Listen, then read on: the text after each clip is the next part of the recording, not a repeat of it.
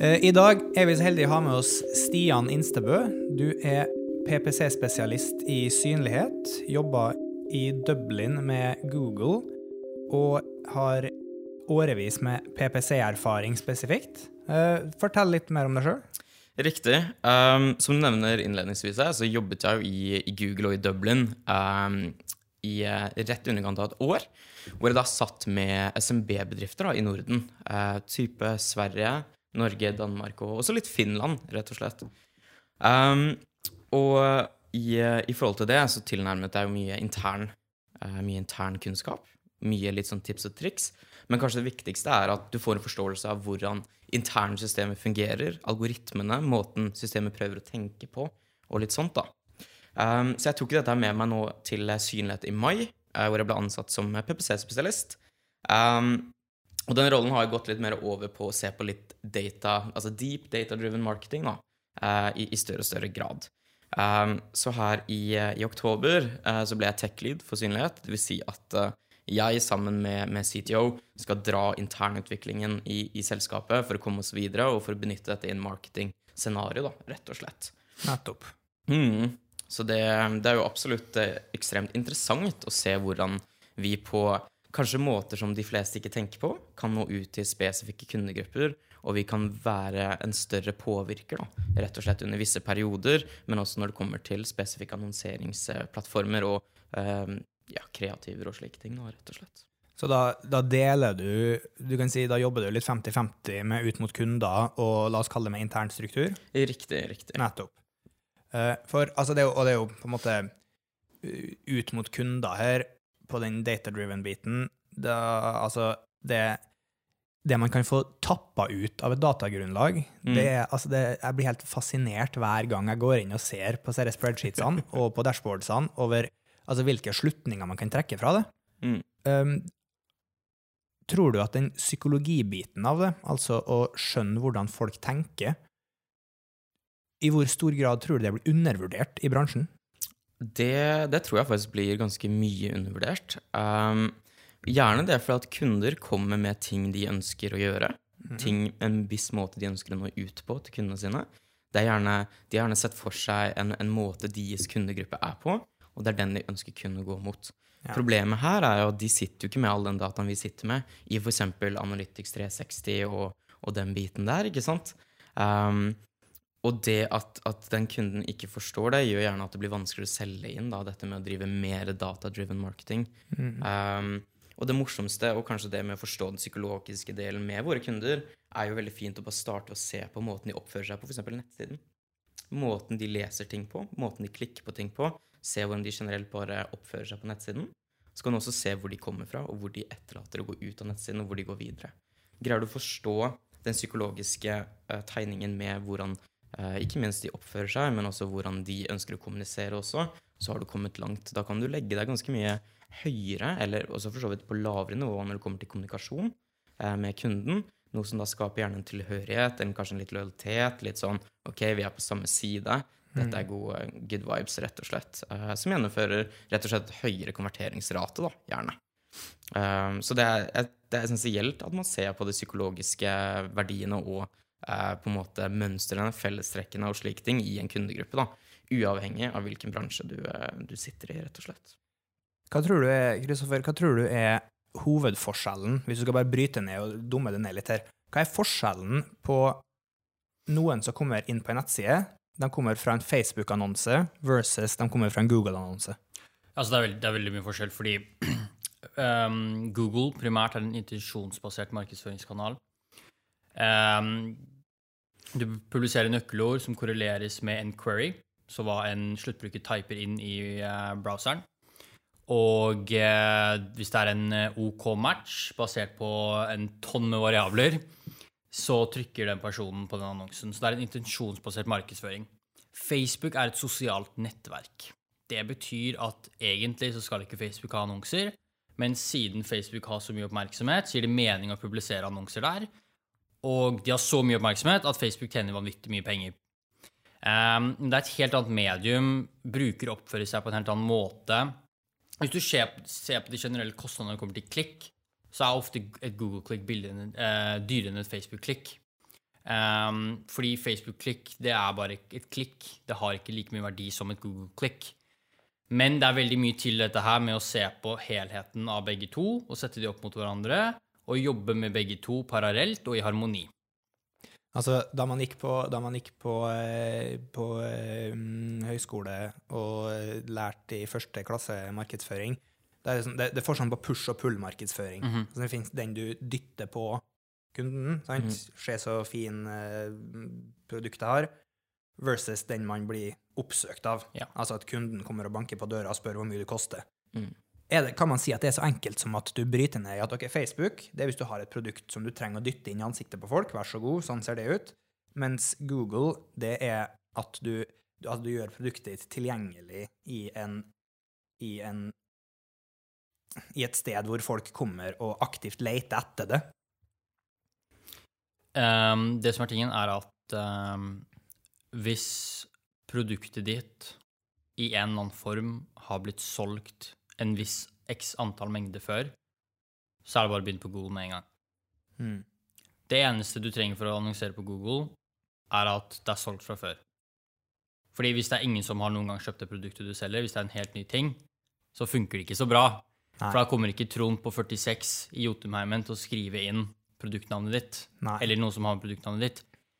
Men så har vi da disse typer nisjene som kan være korrelert med andre nisjer og med andre industrier og markeder, hvor du kan da si du er en konkurrent, da, men det er såpass nisje, men det er fortsatt en konkurrent med et ganske stort antall deler av andre produkter som blir søkt veldig mye på.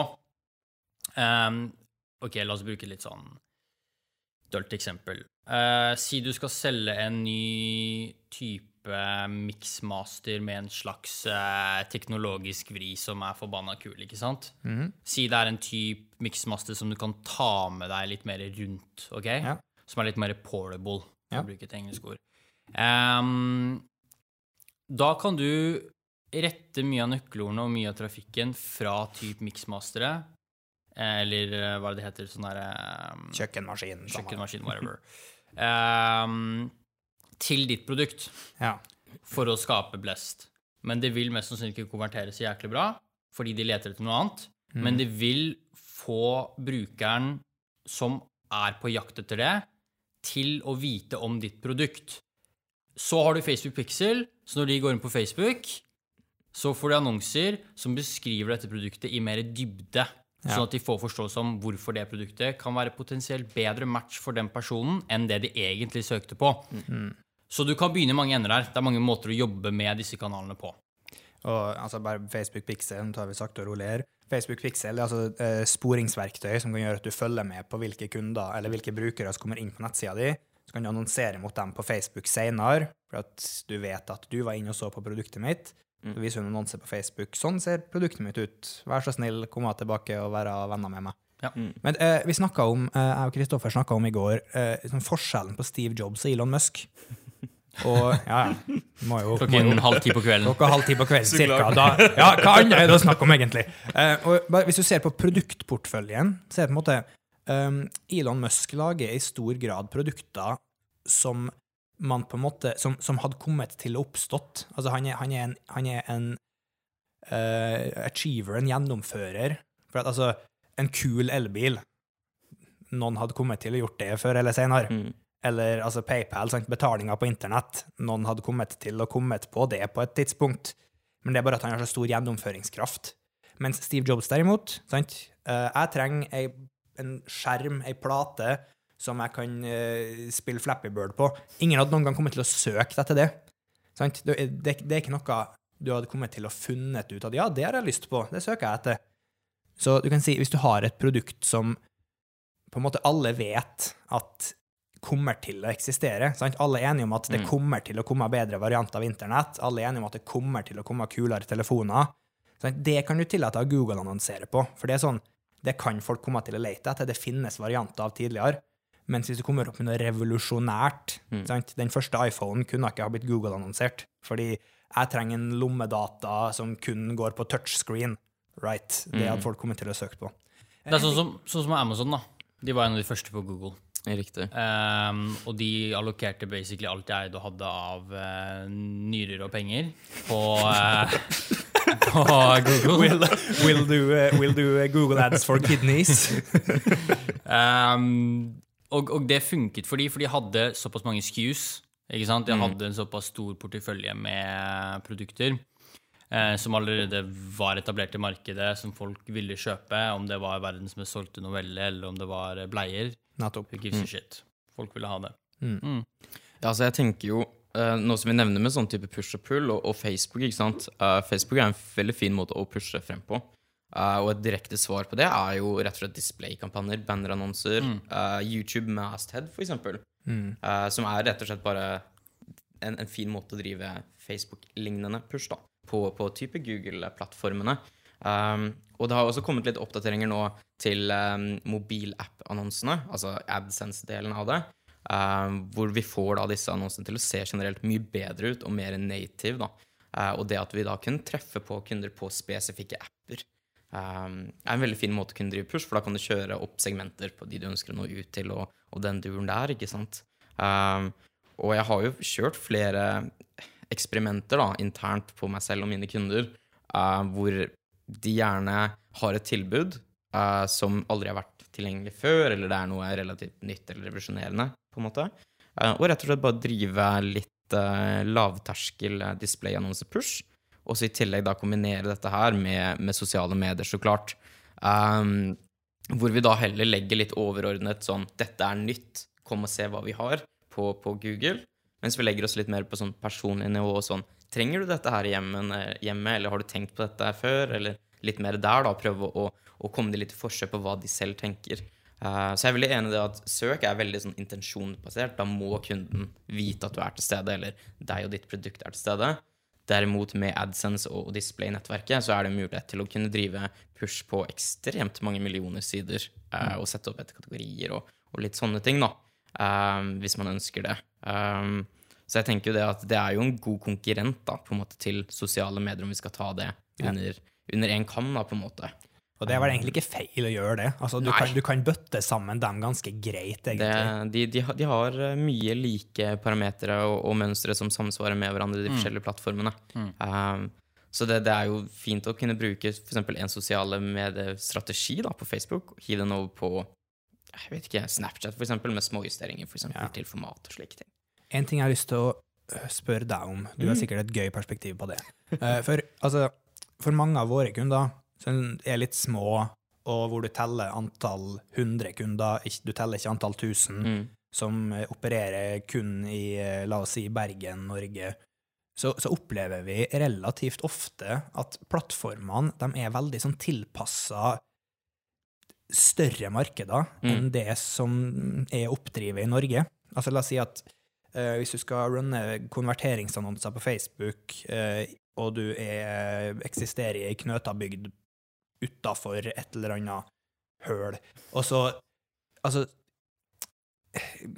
Skjønner du hvor jeg vil hen? Altså, Ja, hvordan eh, La oss si OK, jeg skal er formulere ferdig. Okay, ja. uh, hvordan er de sosiale kanalene og de digitale kanalene ikke tilpassa Norge? Ja. Um, det er veldig lett å bli tapt i dette svære universet, spesielt når du er liten. Så, så enkelt er det. Um, det jeg kanskje ville sett på sånn sett, er jo Hvis vi sier vi tar en liten bygd det er, jeg, Gastromat, for eksempel, det kommer fra en liten bygd. Hvis det var et helt nytt produkt, så ville jeg jo startet med sosiale medier. Rett og slett, For da kan du legge deg på så ekstremt personlig nivå med bygda di. Du kan sette radius på bygda di, ikke sant? Eh, og det finnes jo også en del verktøy som sammenligner lister fra ads, lager lister fra Facebook ads, lager dette lister du kan targete senere i ads, f.eks. Så hvis du greier å kombinere eller lage en liste på Facebook som du vet funker, så kan du bruke den her i ads, og så får du ish samme rekkevidde, men til da en, en eh, gjerne litt eh, høyere pris, så klart, pga. det er Google. Uh, men da har du mulighet til å på en måte mer hardere slå ned da, på en måte i bygda, hvis vi skal si det sånn, da. Eh, når det kommer til pusha av produkt, f.eks. Uh, så det, det er litt sånn Det er masse fallgruver med det. Det, det er et stort univers, som sagt. Uh, men hvis du gjerne starter litt bredt, lar det gå kanskje en uke, to, se på dataen du har, snevre det inn en god del, finne Altså, du stopper å snevre det inn til du er fornøyd med hvor mye du betaler på konvertering, f.eks., eller hvor mye trafikk kunden ønsker, og slike ting. Bruk det, Uh, den altså kundelisten og liksom similar audiences og den gjengen der. Hiv det over i ads, for da greier AI-en faktisk, tro det eller ei, til å forstå ok, det er kanskje et lite bygg det egentlig gjelder, da skal vi gjøre de og de greiene. Um, og det er jo ikke Jeg vil ikke kalle det parametere, men det er signaler de kaller det. Da. Det er jo mange hundre tusen signaler de gjør uh, daglig på sånne ting. Um, og på den måten har vi også sett at ads nå i senere tid, sånn typ ne- ja, siste året kanskje, eh, gjør det lettere for SMB og små bedrifter, da, eh, som gjerne ikke kommer fra disse store byene og slike ting, å drive rettet markedsføring som resulterer i konverteringer. For alle kan drive markedsføring og skaffe trafikk, og det er ikke trafikken som nødvendigvis gir noe verdi om det er et produkt de skal selge, ikke sant? Det er selve konverteringen. Mm. Derimot på brand så er det jo helt gull å bare kjøre bredt, Mm. spre merkevarenavnet ditt, eh, og slike ting, da, tenker jeg på, på, på det. Helt klart. Mm. Et, la oss si et problem med det der, da. For det der høres jo definitivt gjennomførbart ut, Mm. men det er jo komplisert. Det, det er det absolutt. Det, det skal jeg ikke legge skjul på. Um, skal du greie å gjøre det på den måten jeg for har lagt det frem nå, uh, så må du ha kjennskap til API-ene til de systemene. Mm. Uh, og tingene er med en gang du har kjennskap til API-ere, altså API-ene på Facebook, Google Ads, Bing for den saks skyld, så har du mulighet til å gjøre ekstremt mye endringer ut ifra din egen data. Og det er også veldig greit. Eh, For da har du mulighet til å produsere systemer som bruker maskinlæring i samhold, altså i, sammen med Google Ads, da, for eksempel, når du skal drive markedsføring. Bing-annonser, det er et prosjekt, det. Det er så interessant. Bing, det, er, det er bare eh, veldig interessant. vi, eh, vi bruker Bing på småkunder, rett og slett for at du får en helt annen kost per klikk på Bing. Helt annen pris. Helt annen pris. Hvorfor? Um, Det er ikke så mye konkurranse. Nei, rett og slett. Ok, det, så det, det er ikke mange, mange nok aktører ennå til at det blir dyrt nok. Det er samme som Snapchat uh, har vært det siste året, liksom. Riktig. Ok, ok, uh, Forklar meg logikken bak utregning av CPM. Altså CPM det er kostnad per 1000 eksponeringer. Hvis du, skal, hvis du gir en tusenlapp Nei. Hvis, hvis en, eh, hvis en eh, aktør, la oss si Facebook eller kinoen eller hvem som helst, gir deg 1000 mennesker sin oppmerksomhet, så pleier plattformene å kalkulere ut en kostnad per 1000 CPM. Hvordan regner de ut den, Kristoffer? Ja, så CPM er kostnad per mille. Mille står for 1000 på gresk. Derav millennium. Ja. Um, det, det kommer ned til konkurranse. En CPM-pris starter betydelig billigere når det ikke er noen eh, aktører som er villige til å by den CPM-en opp, for de mener at eh, de ikke har hoppet på bandbagen enda, eller at eh, det, plattformen ikke er verdig til en viss pris. Hvordan det begynner, er man setter et eh, minimum, et threshold. Si Snapchat i Norge vel starter på rundt 16 kroner CPM, som var da, når de startet med det, dobbelt så billig, hvis ikke 150-200% billigere enn Facebook, minimum. Mhm. um, så det er basically bare et uh, konkurransekaos. Det er det der. Er en budrunde. Mm. Det er en budrunde på en pris for å nå 1000 personer. Uh, hvis alle hoppet av Facebook i morgen, og vi satt igjen og skulle allokere cash, så hadde den CPM-prisen vært betydelig billigere. Mm. Så lenge ikke Facebook har lyst til å finne på noe lurt. Men de vil jo ha et marked, de vil jo ha perfekt konkurranse. Så man kan, så man kan anta at eh, Altså, man kan anta at jo kulere det blir å annonsere på en plattform, jo dyrere vil det bli. Korrekt. Det er ganske enkel supply and demand. Korrekt. Riktig. Og det, det er jo derfor sånn type Google har gått over til mer data-driven Mm. eh, budstrategier. Rett og slett fordi at de ser prisene blir enormt store per klikk. Fordi at det er så mange konkurrenter. Ja. Og de ser at folk slutter å annonsere fordi at de føler ikke de får en, en god nok ROAS. Eh, altså return on ad spend, da, rett og slett. Jep. Eh, med å bruke AI så kan du da nå brukere du ellers aldri ville nådd, til en helt annen pris. ikke sant? Eh, og det gjør jo da at å, da ble det, da ble det gnist i markedet igjen, og folk begynner å gønne på. ikke sant? Nettopp. Budrundestrategien på Google, det er et prosjekt, det. Å, det, det er morsomme greier å sitte i. Fortell meg, Stian. Fortell meg, Stian. Hvor mye får jeg for en tusenlapp på Google? Hvordan regner de ut hva jeg får for en tusenlapp på Google? Det vet ingen. Nei, eh, det, det er faktisk ingen som helt vet det. Rett og slett for det er i overkant av mange hundre tusen signaler de kjører på for å finne ut av at dette er det og det, og slike ting. da. Uh, Så det, det er egentlig ingen som helt vet. Fins det, finnes det noen hovedfaktorer? Fins det liksom, la oss si, finnes det fire punkter som liksom, ok, det er det pluss det pluss det pluss det er lik du får ca. så mye. Mye har å si med først og fremst hvor du sender kunden. Ok? En, eh, en god nettside har mye å si. Okay. Uh, det finnes flere Jeg tror du mener det heter det Google Lighthouse, uh, som er et senter da, som tar alt av score, hastigheter, optimalisering, responsiveness og alt dette her, og, og gir en score. Det, det er en stor del av det, for når en bruker trykker på annonsene, så skal de ha en god opplevelse. Har de en god opplevelse, så får du konvertering. Ikke sant?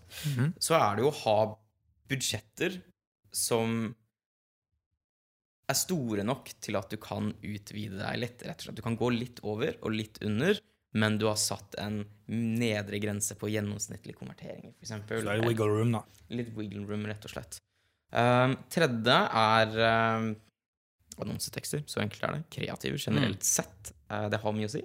Ja. Um, det kan være Sånn som Google er jo mer intentbasert, så da er det gjerne litt mer formelt, litt sånn Skal du kjøpe en sånn? Riktig. Eller tre dager til jul har du husket å kjøpe julepresanger, eksempel. Ja. Sånne ting. Um, ja, og siste vil, eh, vil jeg vel kanskje si er uh, totalscoren på kontoen din. Det har en god del å si, det også. Um, at total, totale, denne 0 til 100 score optimization-scoren på Google Ads er i toppsjiktet mellom 90 og 100, da. Uh, det skal veldig mye til for å ha den på 100, for at da må du godta alle eh, anbefalingene Google kommer med. Og Det det. Det skal du ta med en god klype salt, for å si det mildt. Um, men det gir deg en mulighet, og, og det viser bare Google at dette er en godt gjennomført konto, og da vil du faktisk bli litt prioritert. Ok, Så hvis du har, hvis du har 100 annonser som er elendige, og så kommer du med én annonse som i teorien er helt fantastisk, Mm. så har Google bestemt seg for at de ikke liker trynet ditt. Kan til tider være sånn. rett og det, er liksom, det er i hvert fall tendere dit, da. Riktig. Alle disse her er liksom bare tendenser. Sant? Så, hvis du, så hvis du har svar på de fire punktene, da, og alle på en måte tenderer positivt, da vil du ende ganske høyt. Riktig, riktig. Men så med svart magi så finner Google fortsatt ut at de skal gi dårlige resultater fordi du brukte ett ord på nettsida som de ikke er glad i, Nettopp. eller et eller annet annet sånn heksekunst. Mm. Men det som eh, er veldig interessant, er jo at um, Google har brydd seg mer og mer om nettsida ikke sant, over Riktig. tiden. Og Facebook har ikke vært så mye på nettside, men nå har de virkelig begynt på nettside. Um, og det vil alltid være sånn med plattformer, det at vi vil begynne og vil fokusere på at annonsene skal være bra for brukeren i sitt grensesnitt, og native i sin plattform. Um, samme Google, de brydde seg mer om liksom, click-to-rate fra annonsen i starten, og hvordan den så ut. Og så begynte de å bry seg betydelig mer om nettsiden og hele kundereisen. hvorfor? Fordi for at Google skal vinne, så må en bruker ville bruke Google, og for at en bruker ville bruke Google, så må en bruker få lov til å trykke på en annonse og komme til en nettside som er behagelig å komme på. Ja, nettopp. Hvis de trykker på en annonse om Og nå har de såpass mye data, ikke sant? de hadde ikke mulighet til å gjøre dette i starten. Og, altså, du kan tenke deg 2004, 2005, 2006, det er ikke sjans. Med tanke på computer power også nå med AI, så er det sånn de har faktisk mulighet til å virkelig gå i dybden og virkelig altså penalize nesten byråene og de som allokerer, hvis ikke de faen meg skjerper livskitten ut av seg Oi. og gjør ting virkelig nøye. Så hvis byrået ditt er dårlig, så kan du bli bitt på Google av det?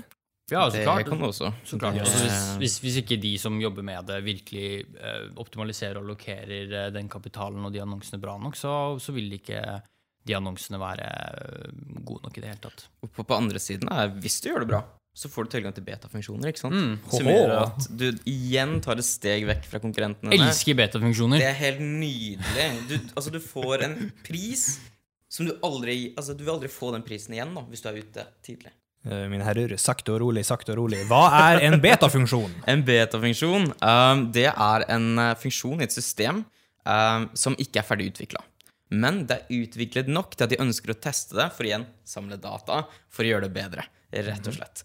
Um, og jeg vet det er muligheter til å melde seg på slike betaer på nett, uh, men Google prioriterer byråer som viser at de har en intensjon om å bruke funksjonene, for at det er ikke noe poeng å gi funksjoner til folk som aldri kommer til å bruke dem. Uh, og som har en generell gjennomgang, altså gjennomgående god score da, i, i deres øyne, på en måte. Er Og, og disse betaperiodene kan være ganske lange. Riktig. Så man kan få virkelig squeezed og prøvd ut disse redskapene i en ganske god periode. Eh, ofte kan man få ganske mye fordeler med å bruke det i den perioden også for sine kunder. Mm. Hva er det verste som kan skje hvis jeg bruker en beta whatever Gi meg, gi meg et, først, gi meg et spesifikt eksempel. Hva kan være en beta, hva kan være en beta Leadform extension i Google? i Google. Det er, eh, dere er jo alle klar over extension, altså utvidelser. Utvidelser er jo da noe som dukker opp under annonsen din, rett og slett. Det kan være et telefonnummer du kan klikke på. Det kan være sende en melding. Det kan være call-outs. Whatever. Eh, og da har du mulighet til å ha et form da, som rett og slett du klikker 'send inn', eller du ønsker å vise at altså kun ønsker å gjøre en henvendelse. Så istedenfor å ta deg videre til nettsiden for å sende deg til kontaktskjemaet, så dukker den da bare rett og slett opp rett under annonsen. Du har mulighet til å hive inn uh, jeg tror det er vel telefon, navn, e-post og adresse at the moment. Det blir jo utvidet litt som det går. Uh, og så kan de gjøre en hel henvendelse, altså en lead-henvendelse, direkte fra annonsen. Uten å gå inn på nettsida? Riktig. Altså, Helt altså Helt du, søker opp, du søker opp, du søker opp uh, uh, installere nytt kjøkken Mm. på Google. Så kommer det opp en annonse øverst. Der står et lite sånn felt hvor du kan skrive inn eh, navn og telefonnummer. Og så skriver du inn det, og så er det konvertering. Ferdig arbeid. Riktig. Da får du, du får det til som en konvertering, hvis det er det du har satt opp som. Eh, Du får også en liste med alle disse som har sendt det inn. Eh, Men du har også mulighet til å implementere det med andre CRM-systemer, altså custom, uh, Customer Relation Management-systemer, sånn som type HubSpot. Um, så det, det er mulig å automatisere dette her for at det blir en helhetlig uh, loop, på en måte, da, for at det kommer tilbake til, eh, til, um, til eh, kunden som bruker det, rett og slett. Uh, og i og med at det er bare en mengde byråer eller bedrifter som har lov til å bruke det, så vil jo da konverteringsprisen være ekstremt lav. Ja, for da er vi tilbake på det CPM-spørsmålet igjen, sant? for budrunden er ikke høy ennå. Det, det er ikke i gang. Og så er det bare sånn veldig teknisk rundt et sånt lead form. Det tar mer i real estate på Google. Mm, Og ja. hvis du tar mer i real estate på Google, så skjer det noe. Og det er altså en helt Hva er real estate på Google? Det er hvor, Høyde og bredde på annonsene, for eksempel. hvor mye av grensesnittet du tar med din annonse. Altså, det, er en- det, er en- det er en andel av Ja. Hva heter det? Søke... Så når du søker på en vanlig HD desktop-skjerm, si 1920 1080 piksler, og du får opp et grensesnitt i Google Chrome, Ja. så ser du kanskje rundt tre annonser, og den fjerde annonsen er litt skjult, ikke sant? ja. Um, og hvis du virkelig får en eh, god topplassering med alt mulig extensions og full pakke, så dekker du nesten hele forbanna skjermen, ikke sant, med din annonse. Ja. Så det, er det like mye at du altså er det like mye at du skviser ut konkurrenter som at du sjøl tar plass? Ehm, Altså, tingen er jo, det, det er jo ledig plass uansett. Eh, så her er det bare egentlig bare å vise at det er du eh, du ønsker at brukerne skal være, velge deg. rett og slett. Eh, og det kan jo, som du nevner med annonse, bare generell real estate på siden, men det kan også være legge til GMB, f.eks. Google My Business. yes. Da tar du hele høyresiden. Yes. Nydelig. Og hvis du da i tillegg kombinerer dette med vanlig SEO-arbeid, så vil dine organiske søkeresultater også dykke ekstremt høyt opp. Så i mange tilfeller så har jeg kunder hvor egentlig bare første halvsiden av Google er de. Mm. Rett og slett. Organiske. Ok, sakte og rolig, sakte og rolig. Søke mot SEO, søkemotoroptimalisering, Riktig. eh, er lik organiske resultater. Mhm. Hvordan måles For at noen ganger så, ser du, så står det sånn annonse på de øverste eh, innleggene på Google. Ja. Andre ganger så står det ikke det, da er det organisk. Mhm. Og, men, og, og sånn, eh, det naturlige å tenke er jo at ok, først så kommer det tre annonser, vi har annonseplasser først, og så har vi organiske etterpå, for de har betalt ærlig, det er greit, Mm. så de har ikke betalt, så de kommer etterpå. Men noen ganger ser du at det er, det er sånn ads under det organiske. Hvordan i alle herrens levedager oppstår det? Det, det er bare måten de prioriterer eh, oss på. Uh, slik jeg forsto det når jeg jobbet i, i Dublin, så er det øverst så er det et mellom tre og fire annonser. Ja. Rett og slett. Og så skal det være mellom to til fire annonser nederst også. Det er der man ikke vil være, by the way. Ja, der ønsker du ikke å være. Altså, eh, nå har jeg ikke tallene helt i hodet, men si at maks 10% maks vil trykke på de. Mm. Ok. For at når du har kommet til bunn, så har du egentlig ikke funnet det du har er på etter. Nei, så da, da gir du jo litt opp på Google. Så du, du, har, du har noe som kalles SERP. Search Engine, eh, Search Engine Results Page. Okay? Ja. Og det er på en måte den når du setter inn en query, Ja. som basically er bare en Altså når jeg, string når, jeg av informasjon. etter, når jeg leter etter hvitevareleverandøren min. Mm. Så får du opp en SERP, Ja. som er hele den pagen med results. Ja. Um, og hvis du er topp fire, så har du en god sjanse til å få et klikk. Hvis du er altså annonsene som er på side 1 nederst, eller side 2, eller whatever, så er du i deep shit. Mm. Ja, da er det gjort. Men Altså- er det, er det, er det med alle sånne Google-annonser, altså er det kostnad per klikk, eller er det kostnad per eksponering? Det kan du eh, sette opp litt sånn som du vil, egentlig. Um, jeg pleier å kjøre kostnad per konvertering, eller eh, return on ad spend. Uh, det har jo litt med type kunde jeg jobber med, rett og slett. Um, det jeg ser derimot, er når du kjører og faktisk tør å stole litt på ads sin AI, når det kommer til budjusteringer eller budstrategier og den dealen der, eh, så greier de generelt å skape en lavere CPA, da. Altså eh, cost on eh, Acquisition. acquisition, riktig. Bare rett og slett hvor mye det koster per konvertering. Ja. Altså, uh, altså, da fakturerer Google i praksis da, ok, du vil ha ti kunder, det blir så mye. Riktig. Det er kostnad per acquisition. Riktig, riktig. Uh, men i de fleste tilfeller så er det normalt å bare kjøre kost per klikk. Eh, rett og slett da får du en veldig kontrollert oversikt da, over annonsen. Det er litt tryggere. Litt enklere. Eh, enklere vil jeg si nei, for da må du gå inn og sjekke ting hele tida. må og, det, og det tar jo tid. um, Altså, det verste er kanskje å sette opp manual CPC. ja, det er jo det absolutt verste. Da er det kaos. Det, det er kaos. Og så har du den som er litt bedre, som er enhanced CPC, Ja. som justerer seg innenfor en viss grense. Boys, nå sier de bare bokstaver. Det, det, finnes ikke, sant? Skal vi, skal vi ta en rundown? CPC, kost, eh, kost per klikk. Rett og slett hvor mye bedriften betaler for at en person skal klikke på annonsene. Ja. Um, og ECPC, altså da enhanced cost per click, er rett og slett det bare systemet har et visst spillerom å gå på, og øke budene dine for kunder som mest sannsynlig kommer til å gjennomføre en konvertering hos deg. da. Rett og slett. Nettopp. Mm, så det, det er eh, manuell budgivning, men en liten smart twist på det. rett og slett. Og manual CPC, altså manuell kost per klikk, er rett og slett at du setter en pris, og hvis den prisen er over markedet, så får du ikke en dritt trafikk, så du må sitte og justere den prisen opp selv. Nettopp. Så har du 6000 keywords, så har du en jobb å gjøre, for å si det sånn. Nå må sitte og, sitte og justere den forbanna Det er en veldig, veldig manuell eh, jobb. Ja, og det, men det som er veldig greit, da, er jo det at um, mange tenker sånn hvordan skal, vi, hvordan skal vi greie å sette uh, hvor mye vi ønsker å bruke per klikk? ikke sant? Mm. Uh, og det er jo veldig vanskelig, for det kommer helt an fra bransje til bransje. Marked, hvilken bedrift du er, hva du selger, whatever. ikke sant? Eh, men det som er veldig greit da med type Google Ads, er at du har mulighet til å se hvor mye konkurrentene dine slår deg i auksjoner, hvor mye deres bud er på, hvor mye first page bid, eller first position bid også, for så vidt.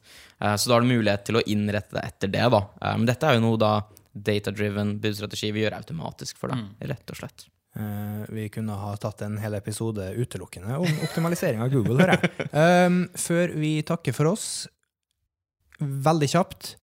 Du er en gitt bedrift, og du skal gjøre det så bra som mulig- på Google. Hva gjør du? Eh, kan du si en viss bedrift? Du selger vaskemaskiner og skal gjøre det så bra som mulig på Google. Hva er viktig å huske på? XML av produktkatalogen, Google Shopping. Samme spørsmål. Du skal selge vaskemaskiner og har en nettside som skal på Google. Hva er viktig å gjøre? Kommer an på størrelsen, men jeg ville gått for XML eller Content API. Det er jo enda bedre. Um, shopping og dynamisk remarketing. Rett og slett for da kan vi drive dynamisk remarketing etter hvilke produkter vi har vært inne og sett på. Hå-hå. Yes. I dag har vi snakka om masse vanskelige forkortelser.